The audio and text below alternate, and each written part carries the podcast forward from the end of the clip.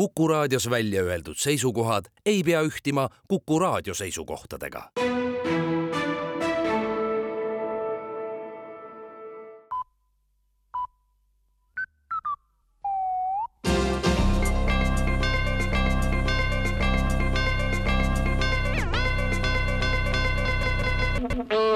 tere kuulama uudiseid stuudios Rohke Debelak valitsus annab teada, et järjest levitatakse opositsiooni valeteateid selle kohta, et valitsus ei kaasa huvigruppe ja poliitilisi partnereid nii koalitsioonis kui opositsioonist ja riigieelarve vastuvõtmine usaldushääletusega on kaasamise üle irvitamine tegelikkuses kaasab valitsus kõiki, maksutõusudesse on kaasatud kõik ja kellelgi ei õnnestu sellest mööda hiilida. kõik saavad kaasatud, võivad rahulikud olla, kinnitab valitsus ja see, et paljud seda ei tunneta, et nad kaasatud on, tuleneb sellest, et maksutõusud ei ole veel kehtima hakanud.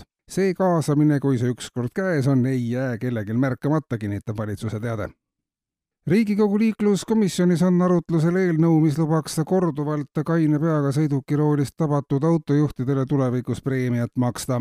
vastav preemiafond koguneks joobesjuhtide trahviraha arvelt ja võimaldaks eeskujuliku liikluskäitumise eest esmakordselt inimesel ka käega katsutavat reaalset tulu teenida esmakordselt kainena tabatud autojuhi puhul piirdutakse ergutamise ja kiitmisega, kui juht tabatakse sama kalendrikuu jooksul aga juba teistkordselt kainena roolist, siis on preemia kakssada eurot. kolmas järjestikuna kainena juhtimine toob sisse juba tuhat kakssada eurot. Kartusel, nagu saaks preemiafondist kiiresti raha otsa, pole alust, sest kainena roolist tabatud juhtide arv näitab liikluspolitsei hinnangute kohaselt järjest kahanemise märke terviseameti rahvatervise uuringust aga selgub, et üha enam eestimaalasi läheb üle kiirtoidule. kui jaanuaris-veebruaris kulutasid inimesed söömisele ööpäevas kakskümmend kolm kuni kolmkümmend viis minutit, siis septembris-oktoobris toituti kuusteist minutit kiiremini. meditsiini, kultuuri ja haridustöötajad toituvad keskmiselt viiskümmend seitse protsenti kiiremini kui teised.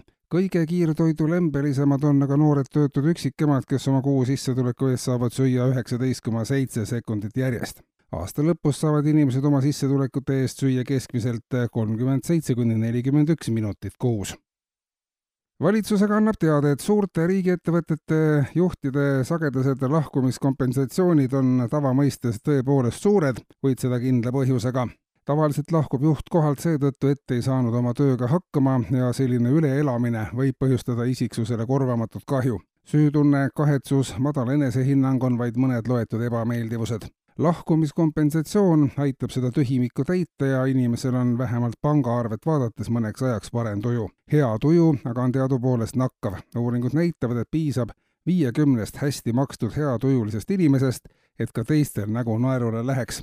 mida rohkem on riigis hea tujuga inimesi, seda parem on sellises riigis elada, ka nendel inimestel, kes on alati oma tööga hakkama saanud ja seetõttu pole raha ka kunagi saanud ja tähelepanu aiandus- ja metsandussõbrad. RMK annab teada, et müüb soodsalt mootorsaeistikuid. Husqvarna istik viis eurot, Stiili istikud seitse, Družba istik kolm. Harvesteri põõsas kaksteist eurot tükk. kõik mootorsaeistikud on värsked ja järgmise aasta kevadel istutatud saed saavad kordjaküpseks hiljemalt juulikuu teiseks pooleks mootorsaeistikuid sobib istutada lageraiealadele, millede pindala iga aastaga üha kasvab ja pikemas perspektiivis näeb metsanduse arengukava ette metsamassiivi asendamise oluliselt tulusama saekasvatusega.